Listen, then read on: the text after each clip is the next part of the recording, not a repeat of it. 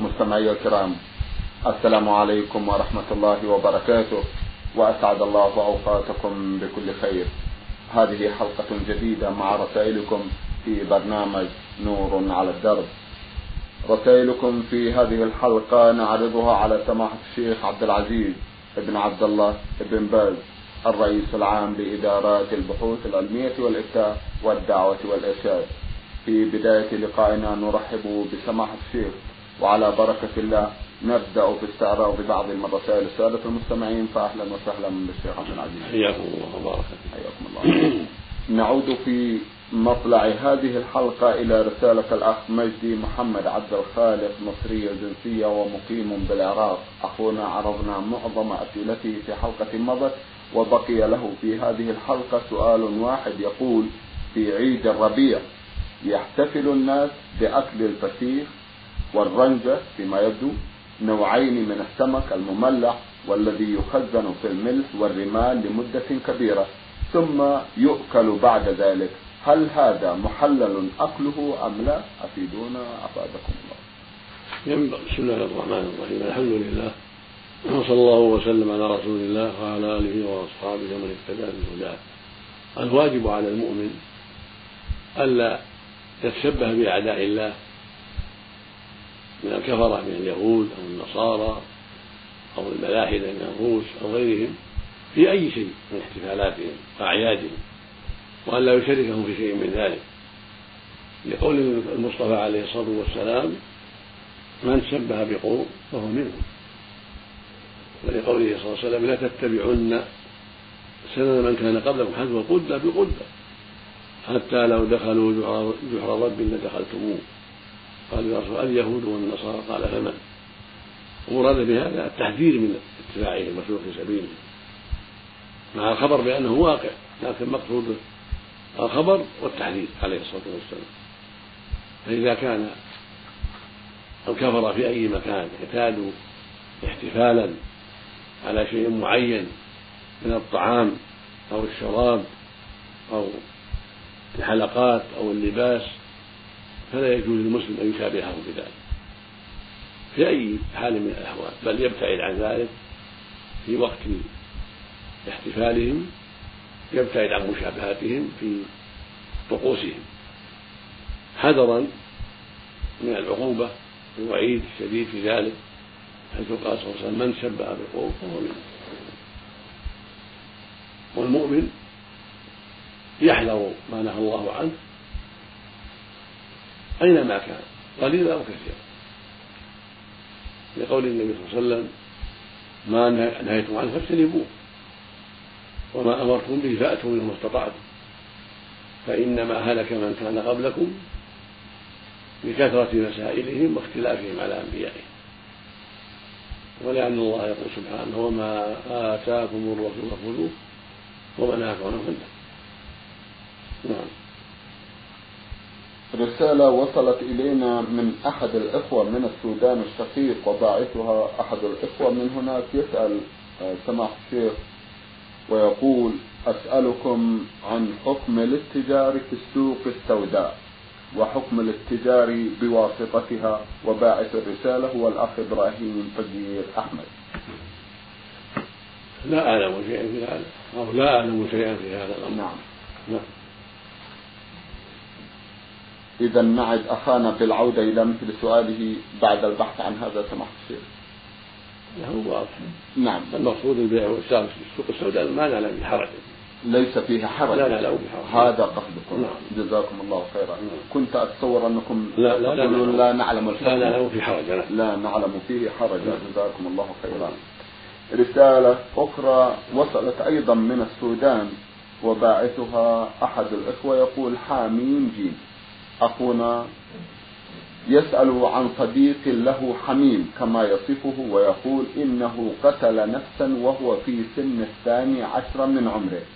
وبعد أن بلغ سن الرشد صار رجلا مؤمنا تقي وصلى وصام وأدى جميع الفرائض.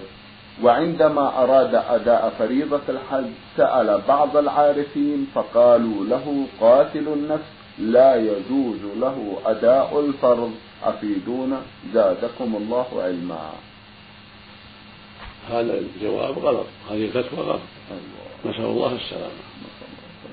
هذا الرجل هذا الذي قتل في حال الصغر. قبل التكليف. لا شيء عليه لقول النبي صلى الله عليه وسلم رفع القلم عن ثلاثة عن الصبي حتى يبلغ وعن المعتوه حتى يفيق وعن النائم حتى يستيقظ لكن على الدية العاق- على العاقلة الدية إذا كان له عاقلة يعني, عصبة أغنياء نعم. عليهم الدية للقتيل وأما هو فليس عليه كفارة لأنه غير مكلف وإنما الدية على العاقلة لأن عمد الصبي وعمد المجنون حكم حكم الخطأ. ودية الخطأ على العاقلة وهم العصبة كما جاء ذلك عن النبي عليه الصلاة والسلام. وحجه صحيح. سواء كان قبل أداء العاقلة الدية أو بعدها. لا يتعلق. حجه بأداء الدية. بل حجه صحيح إذا استوفى ما شرع الله له. والدية يطالب بها العاقلة. والكفارة لا شيء عليه. لأن ليس من التكليف عليه الصلاة لا بصيام صوم ولا عتق. نعم. إذا كان ابن الثاني عشر في بعض البلدان بلغ مبلغ الرجال سماحة الشيخ يتغير الحكم فالحكم على البلوغ. إذا كان بلغ ب- بالمني يعني بإنزال المني. نعم. أو بإنبات الشعرة وهي الشعر الخشن. نعم. الذي حول الفرد أيوة. فله حكم الرجال أيوة. حكم المكلفين نعم. إذا كان حين القتل قد احتلم أن ينزل بالشهوة المني. نعم. في الليل أو في النهار. احتلام أو غيره أو أنبت الشعر المعروف نعم. وهو الشعرة. وهذا شعر العانة المعروف عند الفرد الشعر الخشن المعروف. على الصحيح يكون بالغا بذلك. أيوة. أو كمل خمسة ألف هذا ما كمل خمسة ألف نعم نعم نعم. نعم. فيكون الحكم حينئذ على افتراض أنه بلغ مبلغ الرجال بلغ. عليه عليه العتق القليل وإلا هو صيام شهرين متتابعين. عن عن القتل إذا كان خطأ. نعم. أما إن كان عمدا أيوة. فلا شيء عليه إلا الدية أو القصاص. نعم. إذا كان عمدا وهو قد كلف فأهل القتيل له الخيار بين القود وبين الدية وبين العفو إن طلبوا القود فهذا إلى ولي الأمر. يوم القود إذا توفرت شروطه. عند المحكمة. فإن طلبوا الدية يعطون الدية. في ماله نعم. لأنه عامل فإن عفوا فلا يكون نعم نعم. أما وليس في كفارة العمد أيوة ليس فيه كفارة. الخطأ أيوة. أما إذا تعمد فلا في كفارة لكن عليه التوبة. البدار بالتوبة إلى الله والندم على ما مضى منه لأن القتل جريمة عظيمة وكبيرة عظيمة. فعليه التوبة إلى الله والإنابة إليه وال- والحزن على ما وقع منه والعزم أن لا يعود في ذلك. وعليه يمكن أن يمكن ورثة القتيل من حقه من القصاص أو الدين. بارك الله فيكم وحينئذ يلزمه أيضا أداء الفرائض كفريضة الحج. نعم ما لها تعلق بهذا. نعم. عليه أن يؤدي الحج ويصوم رمضان وغيره من الشرائع؟ نعم. ولا تعلق لها بهذه الجريمة. نعم. إذا فتوى أولئك خاطئة. سواء كان عامدا أو مخطئا. خطأ عظيم. جزاهم الله خيرا. سواء كان بالغا أو غير بالغ. بارك الله فيكم. من بغداد رسالة بعثت بها إحدى الأخوات المستمعات الواقع الرسالة من صفحتين ملخصها أن عمة لهم قامت بتربيتهم آه، تربية حسنة تثني عليها. وتسأل في النهاية في النهاية إذا كانت عمتهم تلك قد أدت فريضة الحج هل لهم أن يحجوا عنها أيضا؟ وتسأل عن آه، حديث رسول الله صلى الله عليه وسلم إذا مات الإنسان انقطع عمله إلا من ثلاث وهل المراد بالولد الصالح الولد الذي من نفس الشخص أو الولد الذي آه، تربى على يد مربيه كما فعلت تلكم العمة؟ أولا يشرع لهم الدعاء لها والترحم عليها والصدقة عنها في مقابل إحسانها إذا كانت مسلمة. يدعون لها ويترحمون عليها ويتصدقون عنها لأنها أحسنت. والله يقول هل جزاء الإحسان إلا الإحسان. المحسن ينبغي أن يجازى ويكافئ وقد صح عن رسول الله عليه الصلاة والسلام قال من صنع إليكم معروفا فكافئوه. فإن لم تجدوا ما تكافئوه فادعوا له حتى تروا أنه قد كافأتموه. فهي محسنة. فيدفع لهما أن يحسن إليها وأن يصدق عنها وأن يدعو لها. والحج من ذلك. إذا حج عنها وهي ميتة أو عاجزة ما تستطيع الحج لكبر سنها فإن الحج عنها ينفعها. هذا من القرب العظيمة. أما الولد الذي يدعو الإنسان فهذا المراد به ولد نفسه ولد صلبه. إذا دعا له هذا مما ينفعه. ولهذا قال ولد صالح يكون من ولد الميت نفسه. وأولاد بناته وأولاد أولادهم من ولده إذا دعا له أولاد أولاده وأولاد بناته وأولادهم وإن نزلوا كلهم داخلون في هذا. نعم. من بيشة وصلت إلى البرنامج رسالة وباعثها أحد الإخوة من هناك يقول علي صنيع الشهراني أخونا يقول نستعمل كلمة بلعون للتأكيد على الشيء. ويقال بأن بلعون هذا اسم صنم كان يعبد يعبده المشركون ويقال إنه في منطقة بيشة بالة فهل نقع في الشرك إذا كررنا ذلكم اللفظ. هذه كلمة جارية على ألسنة كثير من الأعراب وغيرهم. وما أعرف أصلها. هل أصلها أن هناك صنما يسمى بهذا الاسم؟ أم لا؟ ولكن بكل حال ينبغي تركها. لأن الحدث يكون بالله وحده. يقول بالله أو بالرحمن أو بربي أو بربنا جميعا أو ما أشبه ذلك. ويترك كلمة بالعون. لا حاجة إليها. لأن يعني العون كلمة لا تعرف لا يعرف معناها بالنسبة إلى من يحلف بها. وهي مصدر من اسم مصدر من أعان يعين عونا اسم مصدر من أعان فالأفضل بل يجب ترك ذلك بل يجب ترك ذلك لأن الحلف بهذا الفعل وهو العون لا يجوز. داخل في الحديث من حلف بغير الله فقد أشرك. داخل الحديث الآخر من كان حالفا فلا يحلف إلا بالله أو ليصمت. ويقول بعضهم بالحيل بعض الناس نعم. بالحيل فمثل هذا نعم. ينبغي تركه ولا يجوز فعله لأن هذا نوع من الحلف لأنهم يقصدون به التأكيد بالكلام بالحيل بالعون. ينبغي ترك هذه الكلمات. نعم. بارك الله فيكم. أيضا أخونا يسأل ويقول سمعت معنى حديث عن رسول الله صلى الله عليه وسلم يقول من لم يهتم بأمور المسلمين فليس منهم. هل هذا حديث صحيح؟ واشرحوا لنا معناه. جزاكم الله خيرا. الحديث مر عن النبي صلى الله عليه وسلم. وهو حديث ضعيف ليس بصحيح. ومعناها أن الذي لا يهتم بأمور المسلمين بالنظر إلى نصيحتهم والدفاع عنهم إذا حصل عليهم خطر ونصر المظلوم وردع الظالم ومساعدتهم على عدوهم ومساعدة فقيرهم إلى غير هذا من شؤونهم معناه أنه ليس منهم. وهذا لو صح من باب الوعيد من باب الوعيد وليس معناه أنه يكون كافر لا. لكن من باب الوعيد والتحذير والحث على التراحم بين المسلمين والتعاون فيما بينهم. ويغني عن هذا الحديث قوله صلى الله عليه وسلم المؤمن للمؤمن كالبنيان يشد بعضه بعضا وشبك بين اصابعه وقوله صلى الله عليه وسلم لا يؤمن أحدكم حتى يحب لاخيه ما يحب نفسه. هذا معناه أنه لا يتم إيمانه ولا يكمل إيمانه الواجب إلا بهذا.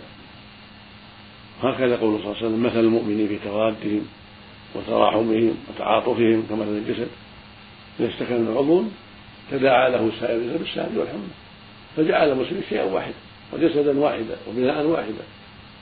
فوجب عليهم أن يتراحموا وأن يتعاطفوا وأن يتناصحوا وأن يتواصوا بالحق وأن يعطف بعضهم على بعض. وهذه كلها تكفي عن الحديث الضعيف الذي ذكره السائل.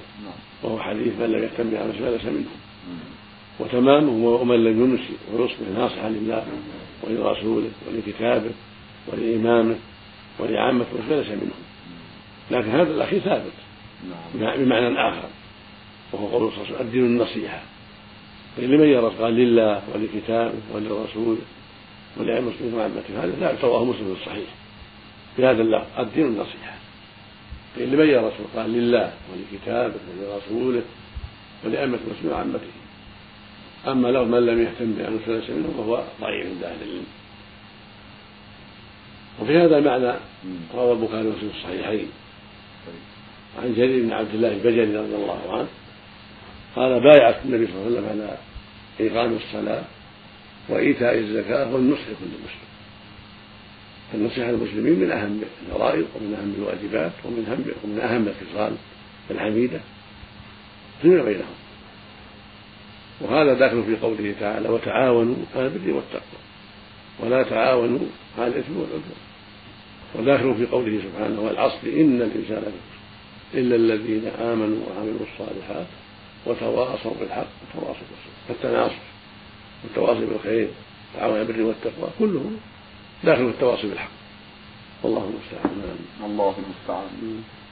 الرسالة التالية وصلت إلى البرنامج من المستمع محسن بن مشعل العتيبي من الرياض. أخونا يقول تزوجت ابنة عمي في عام 1400 وكان عمرها آنذاك سنتي عشرة سنة. ولم تنجب أولادا حتى الآن وأنا أعاملها معاملة حسنة وهي تبادلني هذه المعاملة الحسنة بالمعاملة السيئة حتى أنها لا تقوم بالفرائض الصلاة. وقد نصحتها عدة مرات ولم تستجب بحجة أنها لا تزال صغيرة وتقول إنها ستقوم بواجب الصلاة عند بلوغها سن العشرين أو واحد وعشرين وهي أيضا لا تقوم بواجبها نحو الزوج ويستمر في الشكوى من هذه الزوجة وأهم ما في الموضوع أنها كانت متربية على غير تأدية الصلاة ويرجو من سماحة الشيخ التوجيه ما دامت بهذه الصفة فلا خير لك فيها بل يجب أن تفارقها وليس لك أن تستمتع بها وهي لا تصلي وهي بهذا السن. ما دامت بلغت سن النساء المكلفات أكملت خمسة عشر سنة أو أتاها الحيض أو أنزلت عند الجماع أو في الاحتلام أو أنبتت الشعر المعروف عند الفرج شعرة فلا بهذه الأمور الأربعة تكون بالغة بأي واحد منها. فإذا كانت لا تصلي فلا يجوز بقاؤها عندك بل يجب إبعادها وعدم الاستمتاع بها حتى يمن الله عليها بالتوبة. ولك أن تضربها على هذا وتؤدبها حتى تستقيم لأن ضربها في هذا في هذا المقام مهم جدا. ولعل الله يهديها بأسبابه. ومع ذلك لم تنجب فعيوبها كثيرة. هذه المرأة عيوبها كثيرة والسلامة منها خير لك في الدنيا والآخرة. ولا يجوز لك بقاء البقاء معها أبدا إلا أن تتوب. نسأل الله أن يهديها اللهم ويردها للتوبة أو يبدلك خيرا منها. نعم. جزاكم الله خيرا. رسالة وصلت إلى البرنامج من الأخ جمال عبد أحمد صالح الشعبي أستاذ يمني في مدرسة الفوز بالشعابية ناحية الزهرة أخونا له خمسة أسئلة. سؤاله الأول هل يسن الأذان في غير الصلاة؟ كالأذان في أذن المولود وعند الحريق وعند تزاحم الجيش وعند المصروع وعند الغضبان وغير ذلك افتونا جزاكم الله خير الجزاء. أصل الأذان في الصلاة. صلاة الخمس الصلاة الخمس هذا هو الأصل. والجمعة منها. ويشرع الأذان في أذن الصبي عند تسميته يوم السابع أو قبل أو بعد في اليمنى والإقامة في اليسرى. وإن سماه بدون ذلك فلا بأس ولكن الأفضل أن يؤذن في اليمنى ويقام في اليسرى وهكذا الأذان عند رؤية الغيلان من الجن. كما في الحديث إذا تأولت الغيلان فبادروا بالأذان. إذا رأى شيء من الجن فإنه يؤذن لأن الأذان يطردها وذكر الله يطردها. والتكبير عند الحريق. ما ورد الأذان إنما ورد التكبير عند الحريق. هذا هو الذي نعلم في هذا الأمر. نعم. بارك الله فيكم. ما هي المواضع التي يجهر فيها المأموم بالقراءة خلف الإمام؟ المأموم لا يجهر خلف الإمام. وإنما يقرأ سرا. وإنما الإمام هو الذي يجهر بالمغرب والعشاء والفجر والجمعة والعيد. يجهر في الأولى والثانية من العشاء والمغرب. يجهر في الفجر أيضا. يجهر في الجمعة يجهر في صلاة العيد وصلاة الكسوف صلاة الاستسقاء. والمأموم يقرأ سرا بينه وبين نفسه ولا يجهر. هذا هو المشهور نعم. إذا أوصى الإنسان في حياته بأن يدفن في مكان مخصص فهل تنفذ هذه الوصية؟ يعني عند الوفاة يدفن في المكان الذي اختاره قبرا له؟ إن كانت البقعة مناسبة كأن يقول في مقابر المسلمين أو مع الجماعة في مقبرة الجماعة فلا بأس. أما أن يوصي بمحل خاص في بيته أو في محل آخر فردا دون الناس فلا لا تنفذ المسلمين لأن في بيته خلاف المشروع وهو وسيلة إلى أن يمتهن أو يغلى فيه. وفي مكان آخر وحده قد يمتهن أو يغلى فيه. ولكن يدفن مع المسلمين في بلاده. وإن أوصى بنقله إلى بلاد أخرى فلا يجب التنفيذ. لما فيه من الكلفة وعدم الحاجة وعدم المشروعية. بل يدفن في مقبرة بلاده. إذا كان في مقبرة. نعم. للمسلمين يدفن معه ولا حاجة إلى نقله إلى محل يكلف مؤونة. أو يكون في نقله إليه محذور آخر. كان يدفن مع أناس معروفين بالبدعة أو معروفين بالكفر والشر. لا يدفن معه. نقله إلى مقابر المسلمين معروفة في بلده يكفي. والحمد لله. نعم. ولا حاجة إلى أن يتكلف الورثة نقله إلى بلاد أخرى. نعم. في بعض المناطق سماحة الشيخ المقابر تمتحن. فهي مكان ودي طرقات وعليها تمر الحيوانات وليس لها صيانة وليس عليها أسوار ولا ما يشبه ذلك. إذا أوصى الإنسان بأن يدفن بعيدا عن مثل هذه المقابر كأن يدفن في مزرعة بعيدة عن الطرقات مثلا فما رأيكم في مثل هذا؟ إن تيسر مقبرة. يدفن في مقبرة مقبرة المسلمين. أما إذا كان في ضر أو في مزرعة بعيدة عن الناس يدفن في محل خاص من طرف المقبرة. هو من يموت من قبل جماعة. نعم. حول في طرف حول المقبرة حول المزرعة يكون لا يمتحن بعيد عن الامتحان. نعم. يكون معروف. نعم. يكون قبرا باردا معروف على طريقة القبور. هذا لا بأس به. أما يجعل في مكان يمتهن بالمياه أو بالوطي عليه نعم. أو ما أشبه ذلك فلا. لكن متى وجدت مقبرة قريبة منه نقل نقل إليها نعم. حتى لا يمتهن إذا إذا طلب الإنسان وهو في حياته أن يكون بعيد عن عن مثل هذه المقابر فهو محق أي مقابر؟ هذه المقابر التي تمتهن وهي آه، طرقات ومحل إذا وجد مقبرة غير ممتهنة تمتهن فيها والواجب على أهل البلد أن يصونوا مقابرهم طيب. يصونوها بالجدار أو بشبك من الشوك أو بشبك من الحديد نعم. أو غيره حتى لا حتى لا تمتهن. ومن والحكومة وفقها الله. قد عمدت البلديات هنا بصيانة المقابر. نعم. وهي تصان إذا كتب إليه بهذا وذكروا صانوها والحمد لله. وإذا تساعد أهل البلد أيوة. تعاونوا ولم يحتاجوا للحكومة هذا خير وأفضل. بارك الله فيكم. من هم أصحاب الأمهات الست؟ وما هي هذه الأمهات؟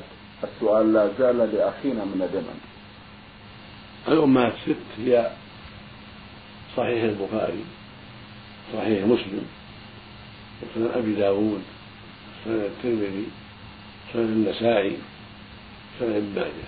هذه هي الأمهات الست. إذا قالوا أمهات الست نعم. أو الكتب الستة أيوة. في هذه الستة لهؤلاء الحمد الستة نعم. البخاري. ومسلم مم. وأبي داود والترمذي والنسائي وابن ماجه نعم بارك الله فيكم سماحة الشيخ في الختام أتوجه لكم بالشكر الجزيل بعد شكر الله سبحانه وتعالى على تفضلكم بإجابة السادة المستمعين وآمل أن يتجدد اللقاء وأنتم دائما على خير نرجو ذلك نسأل الله ذلك مستمعي الكرام كان لقاؤنا في هذه الحلقة مع سماحة الشيخ عبد العزيز ابن عبد الله ابن باز الرئيس العام لإدارات البحوث العلمية والإفتاء والدعوة والإرشاد. من الإذاعة الخارجية سجلها لكم زميلنا خالد منور حميد. شكرا لكم جميعا وسلام الله عليكم ورحمته وبركاته.